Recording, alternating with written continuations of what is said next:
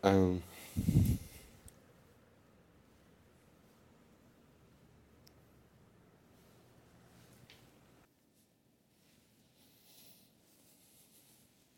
ja.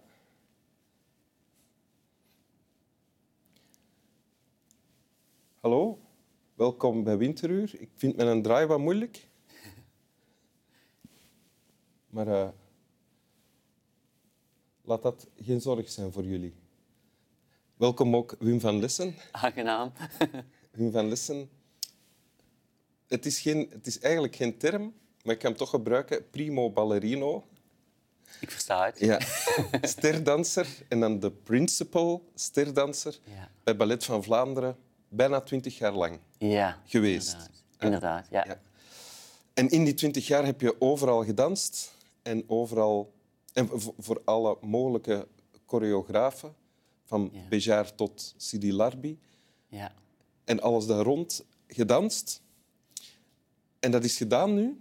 Dat is eigenlijk februari 19 was mijn eh, laatste voorstelling met Ballet van Vlaanderen. Ja. Als fulltime danser. hè. Nu ben ik echt wel freelance. En ik zeg altijd once to dansen, always to dansen. Dus Ja, maar er is daar toch een periode aan afgesloten, denk ik. inderdaad, ja, ik heb er 25 jaar vast gedanst. Ja? En nu ben ik ja, de wijde wereld in en, en zien wat er op mij afkomt. Ja. Want ben je nog...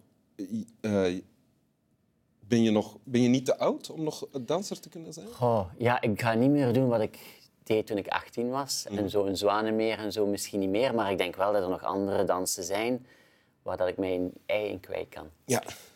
Het geluk voor ons is dat je nu tijd hebt voor winteruur. hè? Yes! Je hebt een tekst bij. Wil je die voorlezen? ja, ik zal even kijken. Ik heb hem hier op mijn telefoon.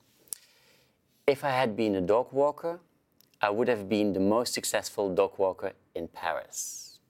Van Tom Ford. Ja. Als ik een hondenuitlater was geweest, dan, had ik de meest succesvolle, dan was ik de meest succesvolle hondenuitlater geweest in Parijs. Ja, Ja. Ik denk dat dat veel zegt over mij als persoon. En waar dat ik ook heel veel aan heb gehad als danser. Ik denk als je danser wilt worden, dan... Natuurlijk moet je een portie talent hebben, maar je moet ook die wilskracht hebben en die drijfkracht. En, en je moet het echt heel hard willen. Je bent beginnen dansen toen je hoe oud was? Tien. Tien. Tien, ja. Ik ben op heel jonge leeftijd begonnen met gymnastiek, turnen. Ja? En daarna ben ik zo begonnen met amateurballet, maar dat vond ik een beetje raar, omdat je dan de enige jongen bent. En... Maar dan op 12-jarige leeftijd hier in de Koninklijke Balletschool in Antwerpen. Ah, ja. En toen zat ik zo met 15 jongens eh, in de klas en dat was echt zoiets van, oké, dit is mijn dada. ik voelde mij daar heel goed thuis en ik had meteen zoiets van, let's go. En wist je toen al, ik wil de meest succesvolle danser worden? Nee. Ik wist wel dat ik de beste wou worden, maar ik wist niet wat ballet inhield. En ik wist ook niet wat een carrière als balletdanser wat mij te wachten stond. Dat weet je niet op die leeftijd. En gelukkig misschien. Want het is niet altijd gemakkelijk. Als je zegt, ik wilde de beste worden, dat be- betekent ook, je wilde beter worden dan de andere jongens van je klas? Ja, dat zit er zo wel een beetje in. Ik wil gewoon het meeste eruit halen. Als ik aan ergens iets begin of ik wil iets ondernemen, dan heb ik altijd zoiets van... You only live once. En je kunt het beter te goed doen.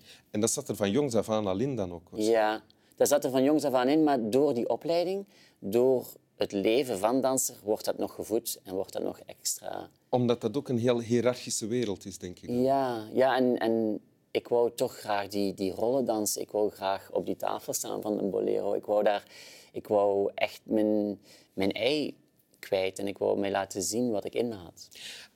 Je, bent, je bevindt je dan hè, in die periode tussen allemaal getalenteerde jonge jongens. Ja. Hè? Eh, je hebt ook veel talent, maar misschien is er daar niet zo heel veel verschil. Is Nee. dat dan wat het verschil maakt? Dat jouw Ja, wens om, het, om de beste te zijn nog groter was? Ik geloof dat wel. Ik denk echt dat je... Daar zijn jongens geweest die meer talent hadden dan mij. Maar ik denk dat het echt de combinatie is van hoe je met dat talent omgaat. En ook, ik vind altijd bij topsport en bij, bij dans, eh, zie je altijd van hoe je met tegenslag omgaat. Wanneer iets niet goed gaat, hoe je dan terug daarbovenop komt, dat definieert eigenlijk je carrière. Ah ja. En wat, wat, wat kan er dan tegenslaan? Is dat een blessure of zo? blessures bijvoorbeeld, maar ook wanneer dat je eigenlijk niet gecast wordt voor een rol, Ga je dan bij de pakken zitten of zeg je van zeg, ik heb het hier gezien? Nee, dan is het juist van oké, hoe kan ik de volgende keer gekozen worden? Wanneer dat ze mij niet meer voorbij steken? Zo Is- mee bezig zijn. En is dat wat jou het meeste onderscheidde van de anderen? Dat je met tegenslagen beter om kon? Ik had heel veel honger, ja.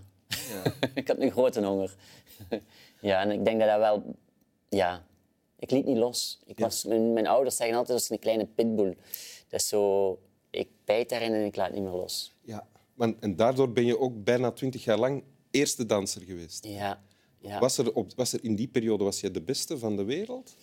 Denk je? Ik eh, behoorde bij de top, ja. Ja. Ik, ik, bij dansers is het heel moeilijk om te zeggen van de beste te zijn, omdat dat ook subjectief is. Ja. Voor de ene ben je fantastisch en voor de andere zeggen ze oh, die is te klein, die is te groot. Dat is heel subjectief, terwijl bij atletiek bijvoorbeeld de eerste die over de lijn is, is goud. Ja. Dat is bij ons niet zo. Ja. En nu? Want nu is het gedaan. Ja, nu is het gedaan en, en Kan je daar, kan je daar nog iets mee? Met alles wat jij hebt geleerd en gedaan, Ja. kan je dat doorgeven bijvoorbeeld bij het Ballet van Vlaanderen?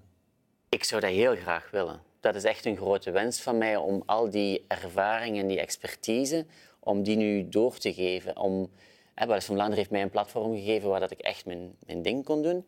En ik heb zoiets van, oké, nu heb ik die ervaring en nu zou ik het heel fijn vinden om dat aan de nieuwe generatie door te geven. En Als, als coach of als artistiek directeur Ja. of zoiets? Ja. inderdaad, ik denk, ik denk in Vlaanderen, vooral met de topsporters en met de dansers, dat daar nog wel wat werk aan de winkel is. Ik denk dat ze beter met hun talent moeten omgaan na de carrière. Wanneer dat iemand een gouden medaille verdient in atletiek bijvoorbeeld, dat ze die achteraf een plaats geven om, om ja, hun ding te kunnen doen. En dat geldt ook voor jou.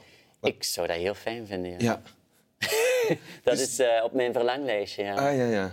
Maar we weten helemaal niet of het zou gebeuren. Nee, die deur moet nog geopend worden. En als je dan, laat ons zeggen, coach wordt hè, bij Ja. het Ballet van Vlaanderen, ga je dan de beste coach zijn? Die, eh, of de meeste- Absoluut. Ja? Want als ik dan mijn, mijn eh, dansers kan laten schitteren op het toneel, ja, dat geeft toch een grote voldoening. Of dat moet een grote voldoening geven als je dat kan overgeven. Ik heb zoveel van die trucjes en van die, van die dingen die ik opgedaan heb, dat ik denk van, goh, ik wil die zo graag doorgeven. Dat, ze dat, dat zij dat ook gaat helpen in hun carrière. Geef eens een voorbeeld van zo'n één trucje. Doen alsof. Ah. Ik denk dat ik dat ook al heb gebruikt. Nee, dat is echt... eh, ik vind, je moet op het toneel een indruk geven. Ik bedoel, het publiek heeft niks aan iemand die zenuwachtig is, die hoofdpijn heeft, die verliefd is of juist liefdesverdriet heeft. Je, je moet daar staan en je moet dat publiek innemen. En je moet die van de eerste seconde dat je op dat toneel komt, moet je die hun aandacht grijpen. En dat moet je leren. En daar zijn trucken voor. En, en als niemand dat doorgeeft, zou dat zonde zijn. Ja. Wil je je tekst nog eens lezen? Ik ga het nog eens lezen, ja.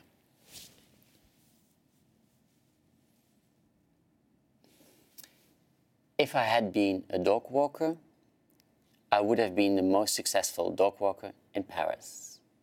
Dank u. Alsjeblieft. Slap wel.